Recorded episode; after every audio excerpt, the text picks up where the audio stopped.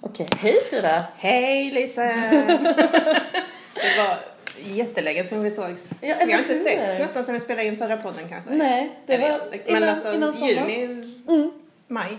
Så himla härligt. Mm. Äntligen ett nytt avsnitt av Bokad med Frida och Lisen. Yay! Vi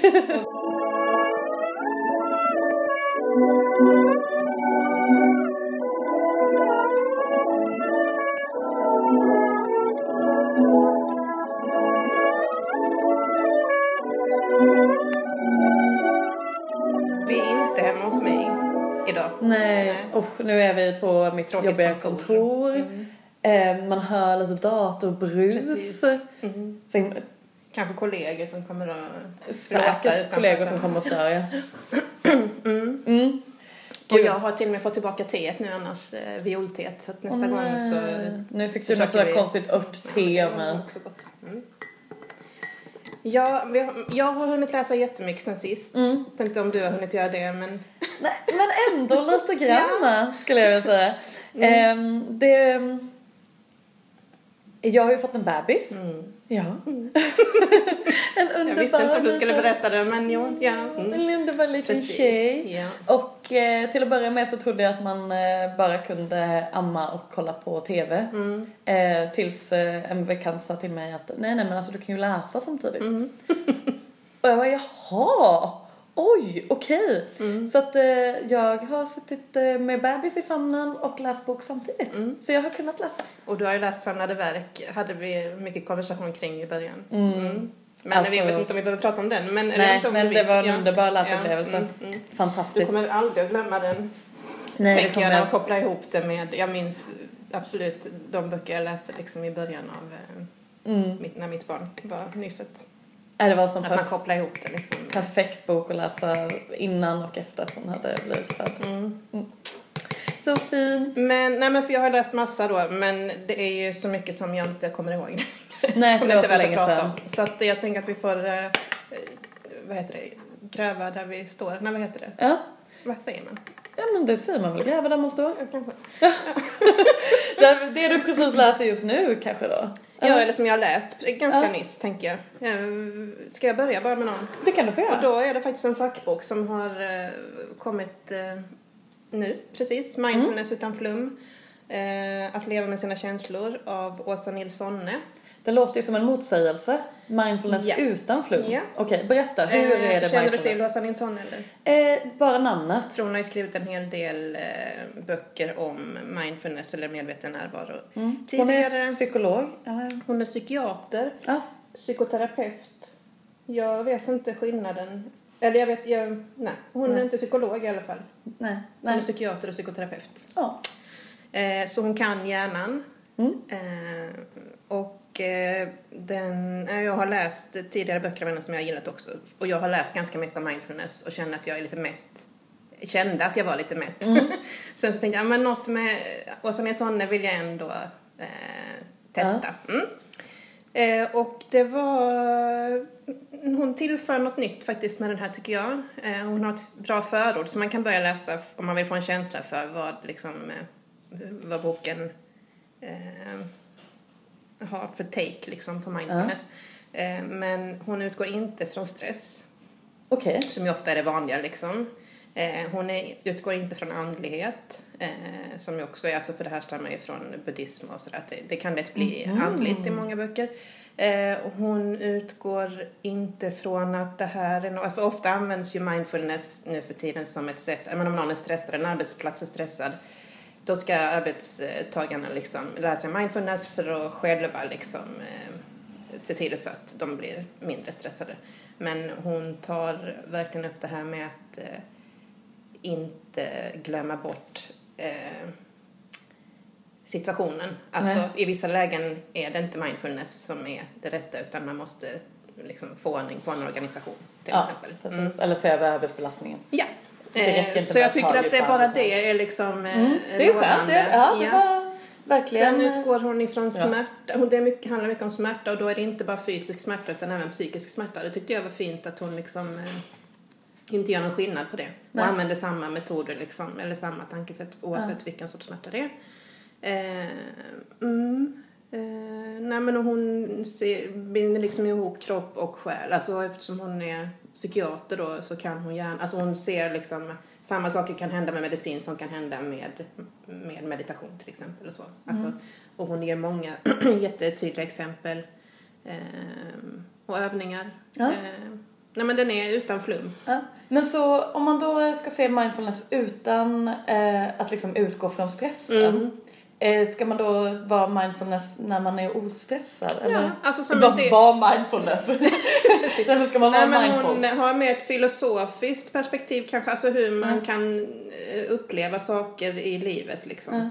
Eh, och jag har redan eh, så här, både när jag pratat med människor som har varit i olika situationer så har jag så här hänvisat till den här Ja. boken eller gett exempel eller liksom känt att jag har eh, gett respons utifrån det jag just Ja. har läst och på min, alltså att jag testar men det är olika övningar så här, när jag har Ja. promenerat så har jag tänkt på hur, vad hon har Ja. Vad kan det vara för övning? Nej men till exempel eh, att, välja, alltså att välja perspektiv. Och för att kunna se det då att ibland så är man, men man är kanske stressad eller man är orolig och då, eller man har dåligt självförtroende just då eller någonting Mm. liksom. Vad man nu är, hon kallar det någonting, jag kommer jag inte ihåg. Eh, men, och då ser man ju allting utifrån det. Liksom. Eh, man tycker man är tjock kanske. Då tror man inte alla andra tycker att man är tjock. Alla kläder ser tjocka ut. Att man Ja. ser tjock ut i alla kläder.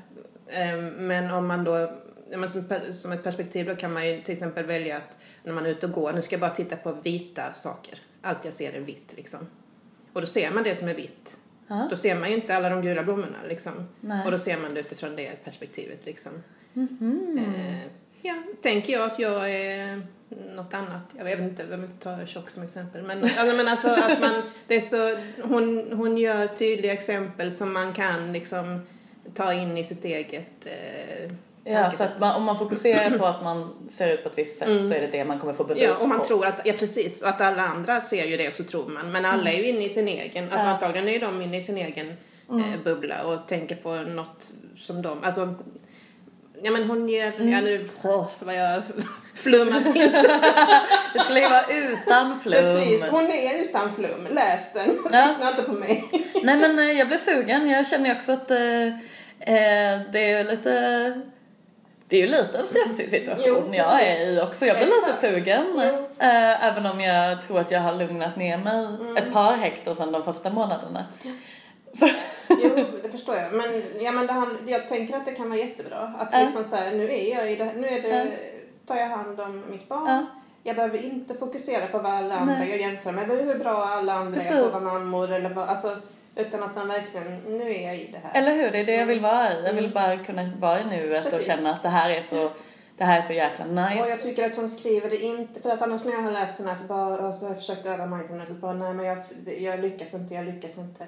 Och hon har ingen sån här, eh, eh, eller hon betonar snarare det, att det är aldrig liksom eh, patientens, eller vad man nu ska kalla det, Ja. när hon har terapeut, när hon har klienter, klient kanske man säger, att det är aldrig klientens fel om det inte går vägen utan då är det liksom terapeuten som inte har. Ja men alltså jag tycker den, Ja. den var befriande att läsa. Ja. Ehm, det var något mer jag skulle säga. Ja, skitsamma. Det är en väldigt fin bok. Den är lite så här bronsguldig, Mm, mm. lite metallic. Metallic? Lite svårt att läsa vad det står nästan. Ja, väldigt svårt. Mindfulness utan flum, Mm. men det står mest bara mindfulness. Mm. Ehm, mm. På tal om fula omslag. Mm. Mm. En uh, feel bok som vi båda två har läst i sommar. Mm, Faktiskt. Emily Henry, Strandläsning. Jag var tvungen att googla vad den hette på engelska. Ja, jag med. För jag då- tyckte det var jättedålig titel. Jättedålig titel, ja, verkligen otroligt dålig titel. Men jag tror den hette Beach Read på ja, eh, engelska, vilket också är en jätteopassande titel. Ja. Men då såg jag det omslaget, eh, det amerikanska omslaget. Mm. Gud vad mycket snyggare det var. Okej, hur ser det ut då? Nej men det var ehm, lite mer så eh, tecknat eh, men med ganska liksom, enkla former och så var det eh, en man och en kvinna på omslaget som typ låg på varsin handduk. Eh, och kanske hade varsin bok men det var liksom väldigt så här, enkla, strama Stilistiskt, linjer, liksom. stilistiskt ja precis. Blockfärger så verkligen gult, Okej. blått, rött.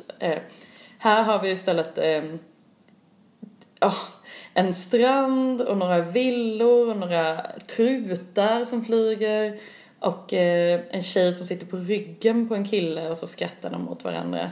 Hon bär hatt. Hon har en hatt, de har solglasögon. Sen är det där huset, alltså för jag tycker den påminner om den här du vet som vi- jag pratade om eh, för länge sedan, eh, eller inte så länge sedan kanske.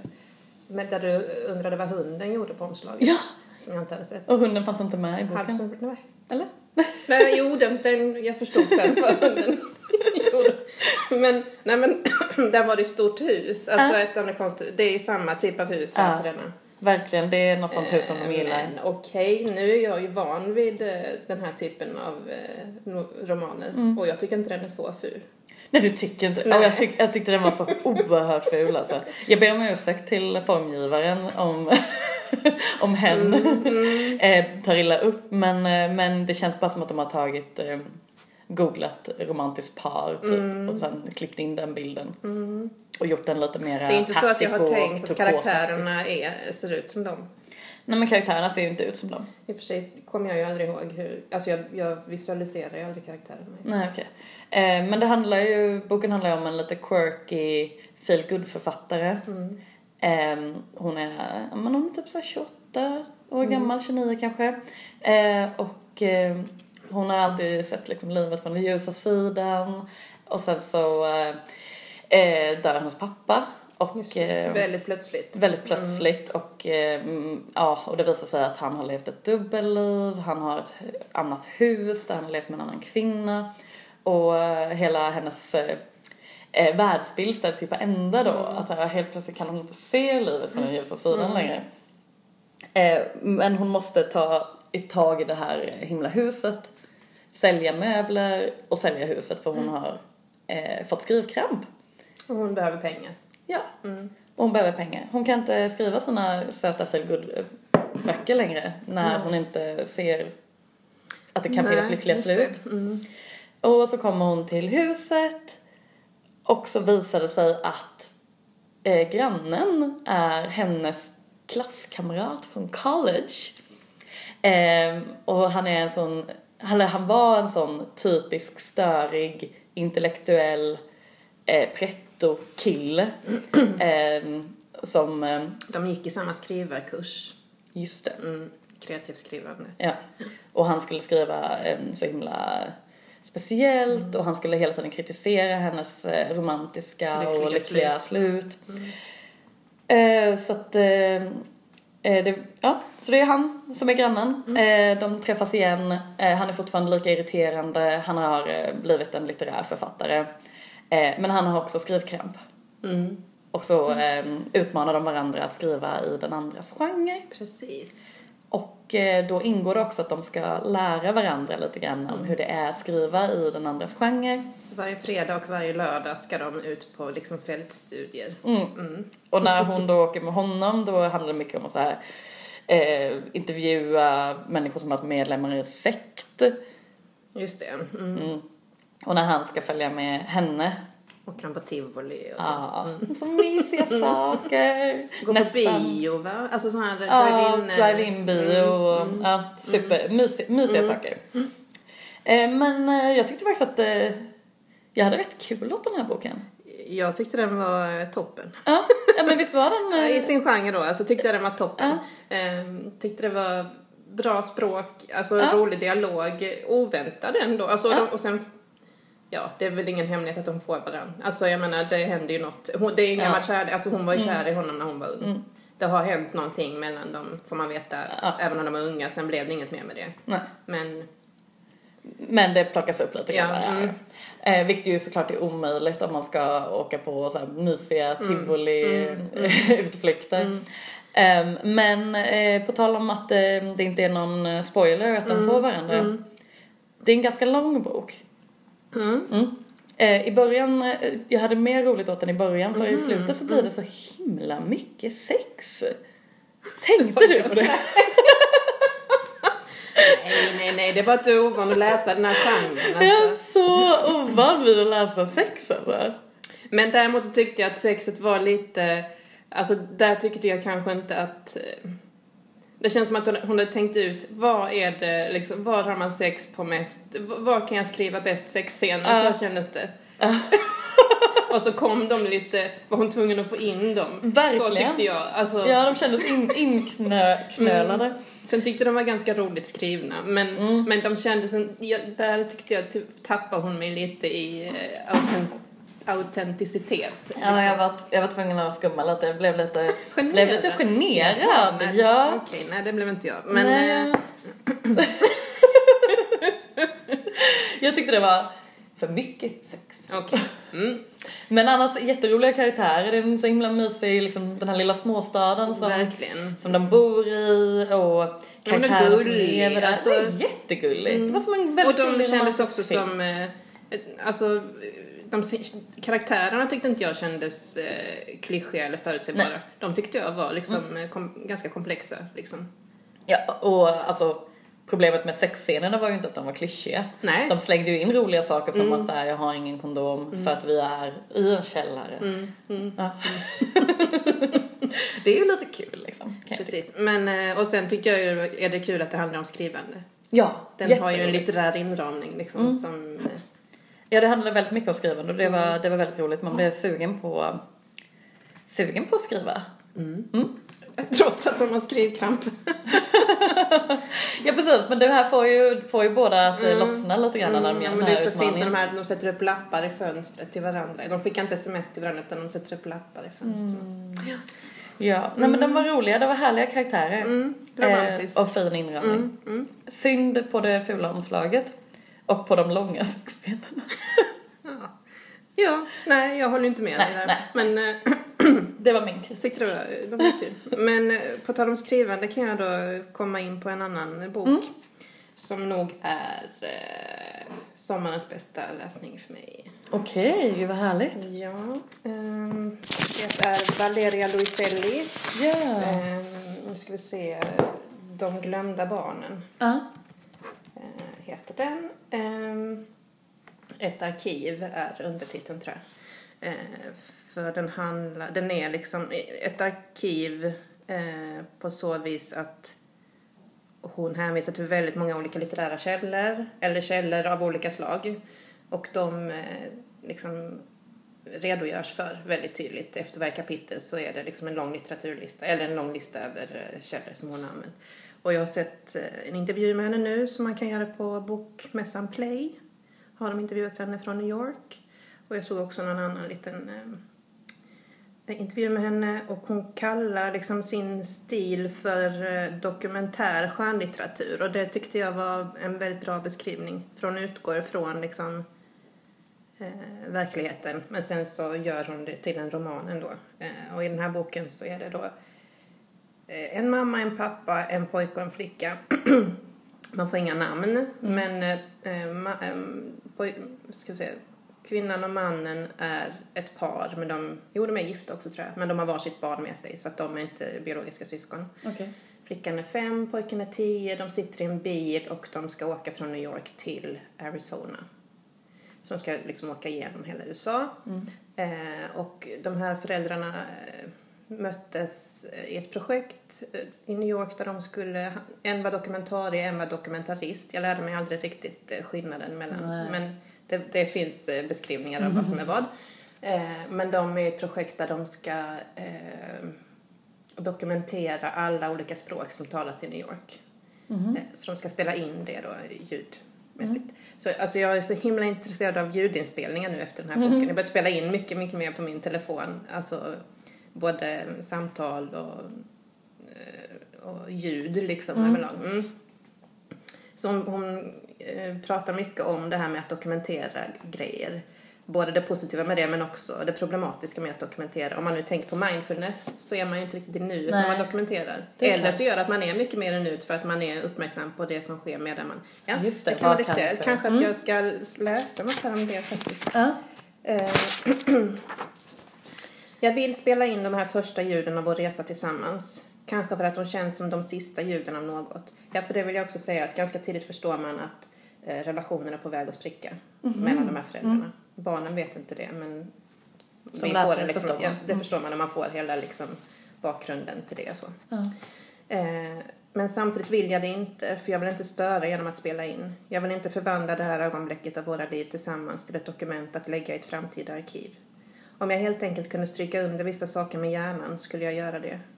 Det här ljuset som kommer in genom köksfönstret och dränker hela stugan i en gyllene värme medan jag laddar kaffekokaren.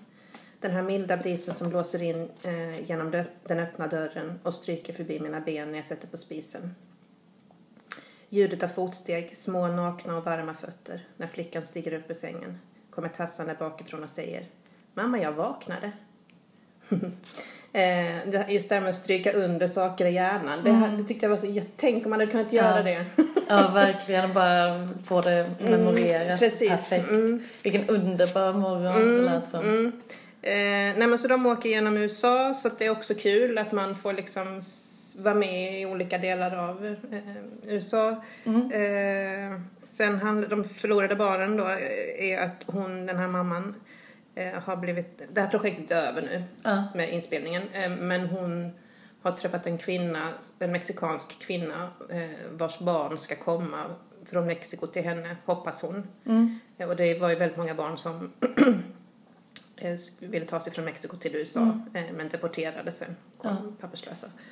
Eh, Så hon blir jätteengagerad i det här och börjar översätta eh, texter från... eh, Hon, hon är själv uppvuxen, författaren är själv uppvuxen i, hon är från Mexiko Ja. från början men uppvuxen i åtta olika länder. Men eh, så de förlorade barnen, han, man får följa de här mexikanska barnen som försvinner också i den här boken. Gud. Eh, och sen så... Ja, nej jag ska inte säga för mycket. Men sen handlar det om henne, deras egna barn också som liksom får klara sig själv lite där i baksätet. Medan de eh, Engagera sig. engagerar sig i sina egna grejer eh, och i sitt förhållande, alltså att förhållandet håller på att eh, rämna och så. Mm. Så de blir lite lämnade åt sig själva kan man säga. Mm. Eh, mamman ger också pojken ett, en eh, polaroidkamera, tror han Mm. fyller tio år, eh, som han lär, hon lär honom att dokumentera då genom Mm. bild. Så att i slutet av boken är det också alla hans polaroidbilder. Åh. och han börjar också spela in. Eh, han lånar hennes inspelningsapparatur eh, och spelar in som han ska ge till sin syster. Så. Men, så det handlar mycket om, ja men det handlar väldigt Alltså mycket om att dokumentera. Ja, precis. Han vill liksom förklara för henne vad som händer. Är Jättefint. Eh, och pappan han är väldigt engagerad i den amerikanska ursprungsbefolkningen så därför vill han åka till Arizona och han ska bosätta sig där i två år. Mhm. De har ännu inte bestämt hur de ska göra om de andra ska, han och pojken ska bo där i alla fall. Mm. Och sen vet vi inte hur mamman och flickan ska göra. Eh, Så han ska spela in de ljud som liksom möjligen finns kvar, ekon liksom och så, som finns kvar från Oj. den amerikanska ursprungsbefolkningen. Mm, Det den låter är skitspännande. Men det låter väldigt... Det låter hemskt. Den är ganska hemsk. Eh, Men jätte, alltså jättestark och liksom den är verkligen eh, intrikat. Alltså den är så eh, sn- intelligent gjord, Mm. tycker jag. Hon har ett, fik, en fikt, ett fiktivt verk i som jag inte visste var fiktivt. Jag så försökte googla fram vad det var. Men för hon hänvisar till det jättemycket och det är citat därifrån och så. Men det är fiktivt. Uh, men sen skriver hon om hur... det finns så mycket i den här. Eh, men hon skriver om hur eh, litteratur också påverkar varandra. Eh, Människor som läser den.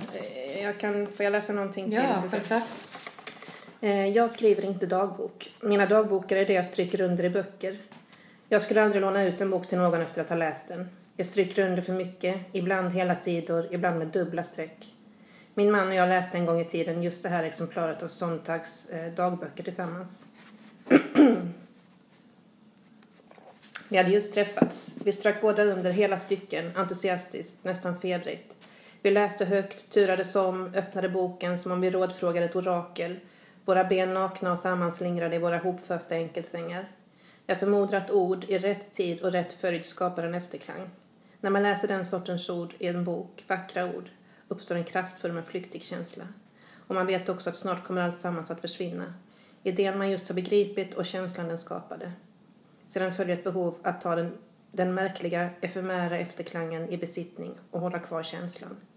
Så man läser om, stryker under och kanske till och med memorerar och skriver ner orden någonstans i en anteckningsbok på en servett på handen. Eh, Det tänkte jag faktiskt på när jag läste den här boken, när jag eh, på bussen hit så började jag läsa den här igen och så kände jag men jag måste ju läsa den igen, jag kommer inte ihåg allt Alltså jag läst. Ma- Förlåt, mindfulnessboken. Glömmer jag bort att jag spelar in. Eh, att eh, eh, speciellt en faktabok liksom som man tycker gav en så mycket. Så bara, Ja. Men jag har ju glömt, jag har redan glömt, vad skulle jag Ja. säga, vad var det som var så viktigt? Och så kan Ja. man börja läsa om och om igen. Men att man egentligen då måste acceptera att jag kommer ihåg det jag behöver komma ihåg. Liksom. Sen kan man göra som hon gör och läsa under och stryka under. Och Ja. Nu är det här en lånebok så det kan jag inte göra. Nej, Men- nej, man vet, men vet, man eh, inte. alltså det, att tills, man kan inte heller begära att man ska komma, alltså till slut måste det vara känslan som stannar istället liksom. Ja, ja för jag hade... ehm, jag återvände till en författare i, sommar, i somras. Eh, mycket för att, eh, för att jag tänkte just att det var så härligt att sitta med en bebis i famnen och läsa William Blake. Mm. eh, och han är ju så eh, poet och bildkonstnär Mm. och eh, hade visioner typ eh, slutet av 1700, början av 1800-talet. Eh, och jag hade en eh, tunn liten eh, volym Ja. av honom i eh, bokhyllan. Så jag tänkte att nej, men den här ska jag läsa nu. För det kommer vara så himla... Det, det var så, Perfekt liksom. ja, och det var så roligt på något sätt att här sitter jag med, Ja. med min nyfödda dotter och läser William Blake. Mm. Och eh, jag har haft ett citat nedskrivet eh, tidigare på en lapp som har legat i, eh, i min, eh, på mitt skrivbord. Men som jag inte har kommit ihåg var, var det kommer ifrån. Men det kommer ifrån William Blake i alla fall. Eh, och det är ett, eh, eh, ett verk som eh, heter Himlens och helvetets förening. Okej. Eh, där helvetets ordspråk finns nedskrivna. Och det var de som, eh, som jag tyckte var så himla härliga. Eh, så att jag hade sparat ett jättelänge men glömt att det var från honom. eh, och eh, han, han får för sig att eh, Alltså det är en, det är en, han skriver att det är en minnesvärd fantasi medan han vandrade bland helvetets lågor. Så samlade han på helvetets tänkespråk då. Mm.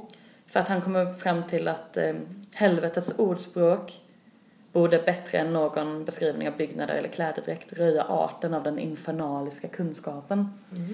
Eh, så då skriver han ner de här ordspråken.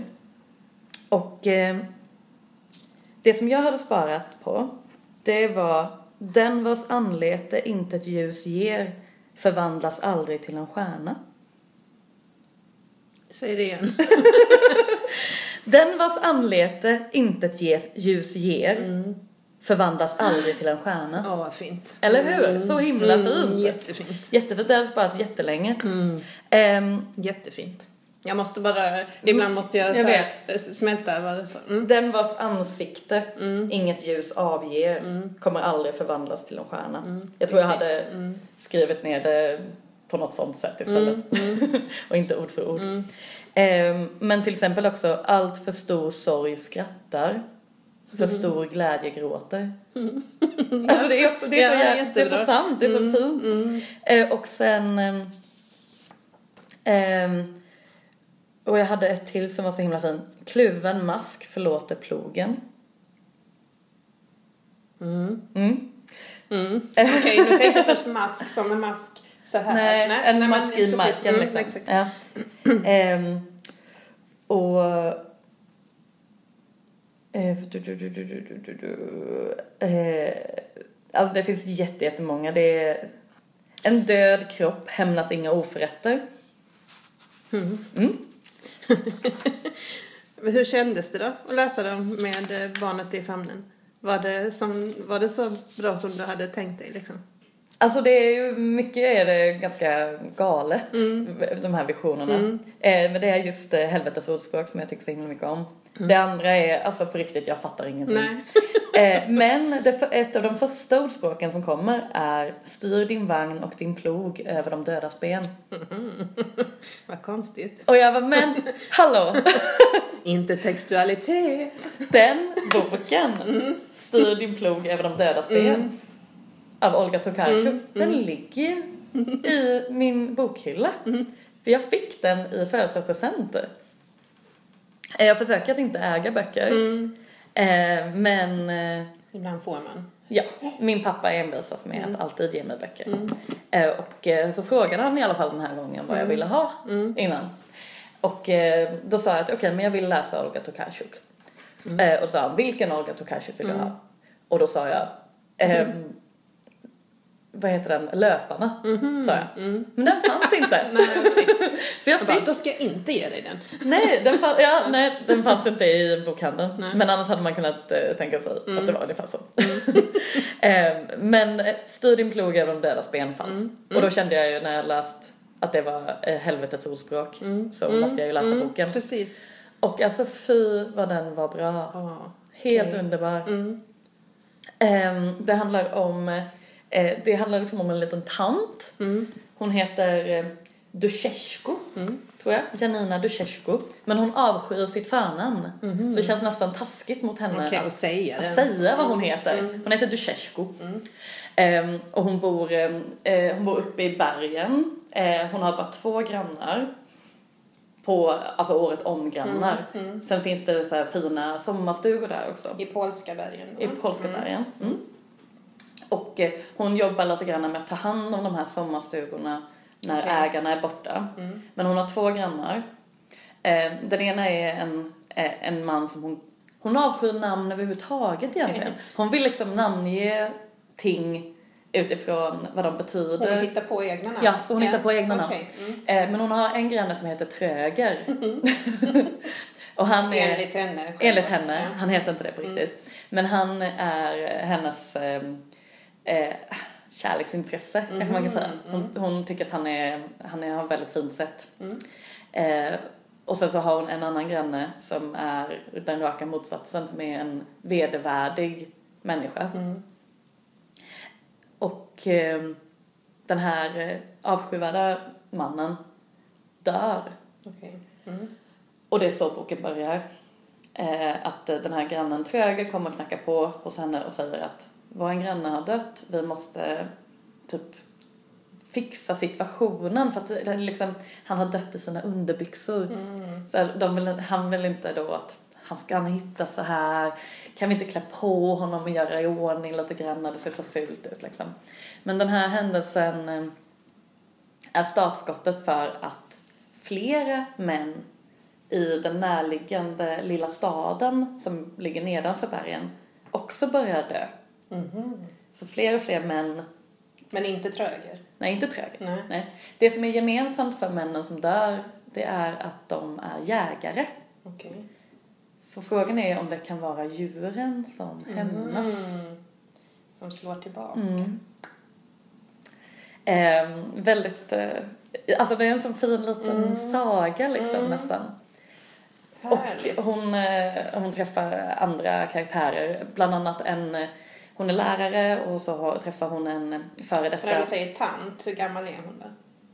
alltså jag vet inte om de säger exakt men jag tänker att hon är runt 70. Och hon jobbar ändå som lärare fortfarande? Ja, eller nu är hon eh, typ vikarie, lärarvikarie. Eh, hon kanske är 65 då. Jag, vet jag bara försöker visualisera Ja, nej men hon, jag, jag upplever henne som, eh, men, jag skulle säga runt 70 men, men hon jobbar lite grann fortfarande så det kanske, jag kanske tänker att hon är äldre än vad hon är. Eh, men hon har en gammal eh, elev som eh, är vuxen nu och de tillsammans översätter William Blake. Mhm. Så det är därifrån eh, titeln Okej. kommer också. Mm. Eh, Vilken jättebra övergång för dig. ja, Det var ju nästan för bra för att vara sant. jag vet, det, var, det kändes, det kändes helt... Eh, eh, ja men som att stjärnorna Mm. ställer sig på rad liksom. Precis. Så bara, men gud jag känner ju igen det här. Ja. Den ligger där. Och sen just att eh, jag fick styr din plog över de dödas ben och att jag inte fick löparna Nej, precis. Mm. som jag ville. Exakt. Men eh, vad tycker du om att hon fick Nobelpriset då? Känns det rimligt? Um, alltså det är ju jättesvårt att säga efter att ha läst bara den här. boken. Jag tror att, alltså av de andra böckerna eh, som hon har skrivit är nog mera, vad ska man säga, eh, speciella. Alltså jag tror att de är mera intrikat ihopbundna och, och så. Det här är verkligen, det här är 258 sidor, jättefin berättelse. Varav dessutom ganska många sidor är Illustrerad. illustrerade. Det är bilder på olika djur som lever i är det hon som har illustrerat skogarna. själv? Uh, du, du, du, du. Ehm. ja, jag vet inte. Det står Jaromir 99. Okej. Illustrationer Jaromir 99.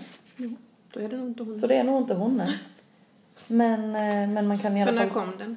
Kom. Den kom 2009. Mm. Ja. Ehm, och den, är liksom, den är väldigt... ehm, berättelsen är väldigt, eh, väldigt eh, linjär. Mm, okej. Det börjar den är inte med... svår? Så. Nej, den är absolut inte svår. Nej. Den är, den är väldigt lätt att hålla reda och inte så många karaktärer men de som finns är ganska speciella så. Mm. Det är lätt att hålla reda på handlingen. Jag tror att den ligger på Sveriges Radio, va? Att den är antingen inläst eller som radioteater. Om jag nu inte blandar ihop det. Men, och att den var väldigt rolig. Ja. Ja, nej men då tror jag det är den. Den är kul. De är, de är jätteroliga. Men då vill jag knyta an här nu till en annan eh, Nobelpristagare Mm. Ja. som jag, jag har läst i sommar och återvänt till. Ja, just det. Mm. Eh, Toni Morrison som Ja. ju är precis, alltså, jag läste Älskade nu eh, i somras och Och den är så bra. Du har också läst den? Ja. Mm. Men det var några år sedan nu. Ja, och det var ju verkligen några år sedan jag läste, jag läste henne på gymnasiet för jag skrev ett specialarbete om henne på Oj, gymnasiet. svår bok att läsa på gymnasiet. Ja, verkligen. jag förstår inte vad jag höll på På engelska läste jag den dessutom. Eller jag läste inte bara den, jag läste, jag skulle liksom läsa Toni Morrison eh, Samlade verk. Sen tror jag, jag har inte, jag, försöker, jag har inte hittat mitt specialarbete. Eh, Men jag tror kanske att det blev till slut så att jag bara läste, alltså att jag fick snäva in det till en bok. Jag tycker nog att det räcker med en bok. Men det gjorde att jag, alltså jag har många av henne hemma Mm. i bokhyllan på engelska då. Jag förstår inte nu. jag, jag vet inte riktigt jag, hur mycket jag förstod. Men uppenbarligen så pass mycket att jag kunde skriva om henne. Eh, Eller om hennes litteratur. Men det började med att jag såg SVT-dokumentären om Toni Morrison. Har du sett den? Mm. Nej, det har jag inte gjort. Alltså, den var så sjukt stark och bra. Och jag blev så full av vördnad inför denna kvinna liksom, som är död nu ju tyvärr. Mm. Men alltså som pondus och sån kärlek hon utstrålade och liksom allt hon sa var bara liksom så klockrent. Och jag lärde mig så mycket av henne. Alltså jag hade gåshud så många gånger i den här dokumentären. Eh, och sen var det intervjuade de mest kvinnor som var olika professorer eller vänner till henne eller både och. Och även de var liksom, alltså det var så coola kvinnor i, vissa av dem var ju liksom i 70 och 80 års åldern. Men så, alltså, så, ja men alltså en jättebra inspiration och förebilder. Och då bara kände, då hade jag liksom precis läst ut en bok. Mm. Så att jag hade en lucka liksom. Ja. Och det är inte ofta jag tar de luckorna till att läsa böcker jag har läst tidigare. Nej. Men jag bara, nu ska jag göra Ja. det. Och Ja, det var jag, sommar också, liksom. Och jag, vill bara, också läsa om mm. Älskade alltså. Så då lånade jag den och läste den och eh, sen kom det tyvärr lite böcker emellan så jag, har inte, jag läste inte den i ett svep och det gjorde kanske inget för att den är, rätt, den är komplicerad. Ja. Alltså, den är inte linjär. Nej. eh, och eh, i början är det väldigt mycket frågetecken. Mm. Eh, men hon är så, om man bara tänker på att hon är en eh, briljant författare, hon vet vad hon gör. Eh, slappna av. Acceptera att du inte fattar allting. Eh, det kommer att lösa sig. Så det är Ja. som ett lapptäcke, det finns ett lapptäcke i boken också, men det är verkligen som ett lapptäcke där saker och ting liksom återkommer, det är olika berättarperspektiv, de olika berä- eh, karaktärerna berättar på olika sätt.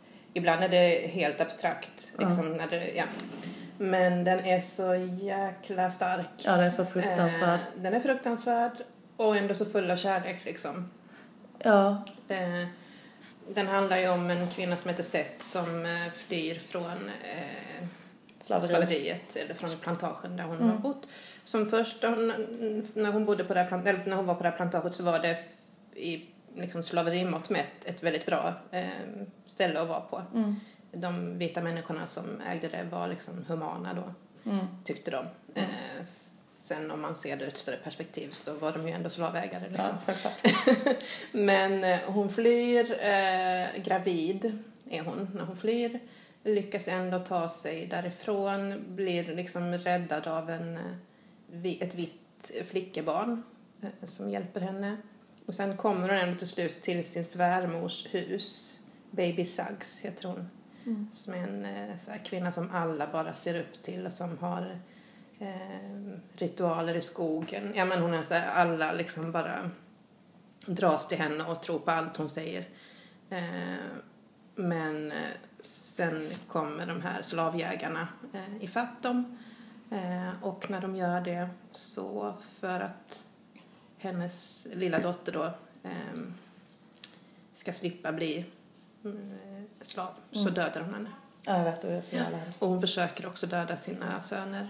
Mm. Eh, den här bebisen som hon hade i magen som kom ut eh, har hon inte, han hon inte, de räddade henne så hon hann liksom aldrig göra något ont vid henne liksom, eller försöka ta livet av henne. Men eh, sen kommer ju den här flickan tillbaka då som ett spöke. Först bara i andlig form, att huset är liksom hemsökt. Ingen vill komma dit Nej. längre. Men sen kommer hon faktiskt tillbaka som eh, ett riktigt eh, En riktig, riktig kvinna. ung Mm, kvinna. För hon, har då, det är ju, hon är så gammal som hon skulle varit om hon hade levt. Ja, ja, det är så, så, den är ju skum. Alltså den är riktigt skum. Ja, men den eh, skildringen av, alltså när man förstår Mm. varför hon dödar sitt barn. Ja. Det, jag har tänkt på, Ja. älskade just efter, efter att jag fick Mm, min mm, dotter. mm. Och att göra en sån, alltså vad, ja, det är så fruktansvärt. Men hon blir så, ju också brännmärkt av det. Alltså folk tycker att hon är knäpp. ja, Från att ha varit man- den här som alla också såg upp till liksom, Mm. så är hon galen. Tycker Mm. de. Jo. Och, Men, de lev, och hon blir också ganska galen. Alltså när den här, Ja. eh, när älskade kommer tillbaka som de kallar henne. mm, Så blir hon också galen faktiskt. mm. Mm. Det, var, det är verkligen en bok som jag skulle vilja läsa om. Mm. Jag minns att, eh, eh, att den gjorde, att jag, jag grät otroligt Mm. mycket och jag tror kanske att jag måste vänta några år Mm. innan jag läser den eh, Jo, nu. gör det. Vänta ett litet tag. Ehm, Eh, men samma, den finns ju kvar. liksom. ja, och samma vän som sa till mig att eh, jag kunde läsa medan jag ammade. Mm. Hon skulle läsa Älskade. Mm. Och jag sa, åh den är jättebra, men vänta, vänta, vänta. du kanske inte ska. Men hon bara, nej, det går bra. Mm. Mm. Inte samma Nej. Eh, samma triggers som jag, jag, skulle, jag skulle inte kunna läsa den nu.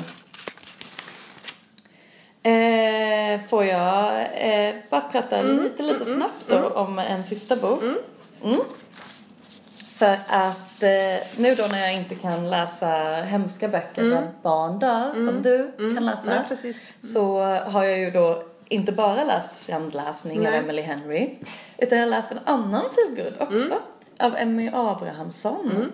Hur man blir slängd över bord. Hennes senaste. Oh gud, jag började på den, kom jag på nu. Mm. Ehm, eh, jag gillar ju Emmy Abrahamsson. Ja. Eh, jag tycker hon skriver roligt. Eh, och jag tyckte den här var kul också. Och Jag har bara läst eh, hur man blir kär i en man som bor i en buske. Eller Ja. förälskad i en man som bor i en buske. Ja, superbra. Mm. Tyckte jag. Jätterolig.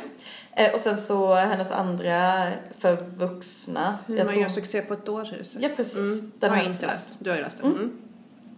Eh, och den här eh, handlar om eh, Jacqueline eh, som reser på kryssning tillsammans med sin mamma. Eh, därför att eh, hennes pappa eh, har eh, gå- gått bort. Mm. Och eh, mamman har blivit lite... Lite samma Ja tema men som precis. Ja. Mm. Mamman är nu lite påfrestande ty- tycker Jacqueline. Så hon vill, eh, hon vill hitta en, en Man. gubbvän Mm. till eh, sin mamma. Så det, det är det som är planen med kryssningen. Men också att eh, Jacqueline ska få lite paus från sitt liv med man och två små barn. Just det. Mm. Så hon behöver, hon behöver också en semester. Eh, men jag tyckte det var eh, kul att eh, eh, Jacqueline eh, beskriver sin egen personlighet. Mm. Eh, och, och då säger hon att världen behöver också människor utan starka personligheter.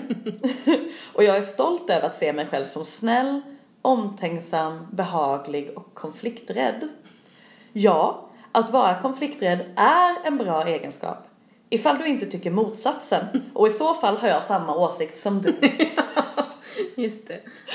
Eh, tyckte det var toppen. Är det inte hennes chef som jagar henne och sådär? Är det Jo, hennes chef håller på att ringa Mm, henne och hon mm. vet inte ens vad hon jobbar med riktigt Nej. för det är så himla mycket Just det, eh, hon är lite äldre än alla andra va? Ja, hon är lite äldre än alla Den andra på jobbet. tyckte jag var rolig.